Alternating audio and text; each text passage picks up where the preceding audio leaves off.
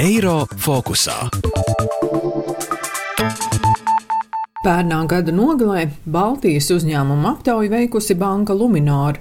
Šogad visoptimistiskāk savu biznesa izaugsmi vērtē lietuvieši, vispesimistiskāk Igauni, kas gan visaktīvāk Baltijā gatavojas palielināt gan eksportu, gan pārdošanas apjomus e-komercijā.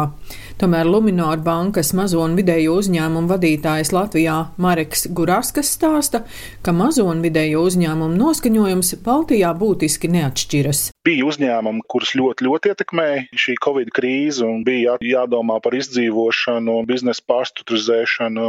Savukārt bija arī otra puse, kas faktiski šo krīzi izmantoja, lai augtu un attīstītos. Tieši mazais vidējais biznesa spēja visātrāk pielāgoties dažādām izmaiņām, gan tirgojot savu preci attālināti, gan pārstruktūrējot darbības virzienus, samazinot izmaksas.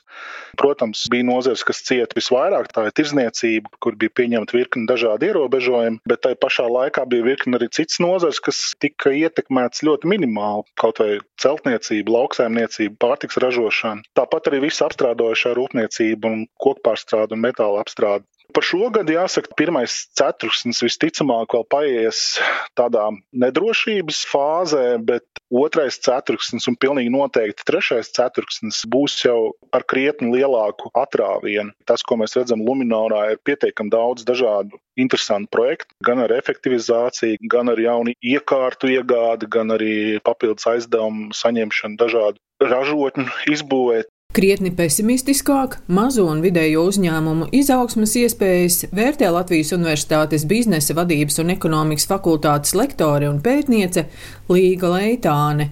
Mikro uzņēmumu nodokļa likme šogad palielinās no 15 līdz 25 procentiem, ierobežots patentu maksātāju lokus no 1. jūlija noteiktas obligātās minimālās sociālās apdrošināšanas iespējas.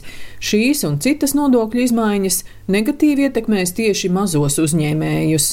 Likumā paredzētais izmaiņu kopums iezīmē būtisku nodokļu palielinājumu, absolūti nepārdomāta rīcība šobrīd, kaut gan ar ļoti skaistiem saukļiem, domājot par sociālajām garantijām, bet patiesībā mēs radām blakus efektu, kas rezultātā noteikti radīs papildus ēnu ekonomiku un, protams, uzņēmē darbības aktivitātes iespējamu samazināšanos. Ja mēs runājam par vidējiem uzņēmumiem un tie, kas ir jau formā, formātā un tā tad ir kā darba devēji citiem, tad, protams, šīs minimālās sociālās iemaksas, kas tika ieviestas, visbūtiskāko ietekmi atstās tieši uz reģioniem.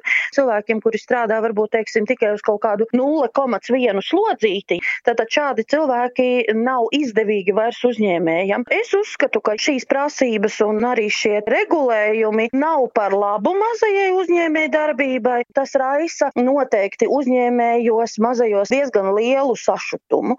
Savukārt Latvijas Bankas ekonomikas eksperte Dāna Paula vērtē, ka uzņēmumus gan tiešā, gan netiešā veidā ietekmēs valdības noteiktie ierobežojumi. Piemēram, tiešā veidā, ja ir aizliegums sniegt konkrētu pakalpojumu un īpaši, ja to nekādi pat daļai nevar aizstāt ar attālinātu darbu, piemēram, skaistumkopšanas pakalpojumu.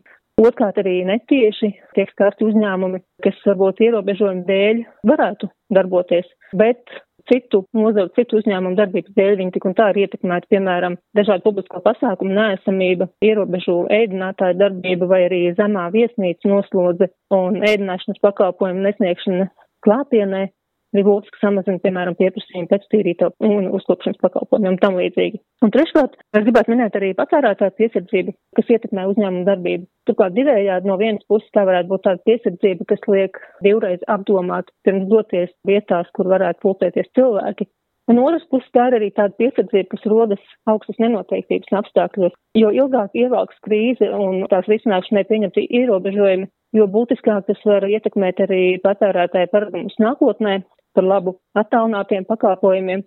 Lumināra bankas pārstāvis vērtē, ka uz ekonomikas atjaunošanos varam cerēt šī gada beigās, un straujāk izaugsme gaidāma tikai nākamgad.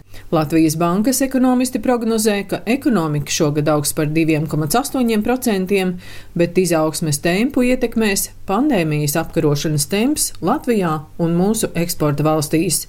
Daina Zalamane, Latvijas radio. Eiro fokusā.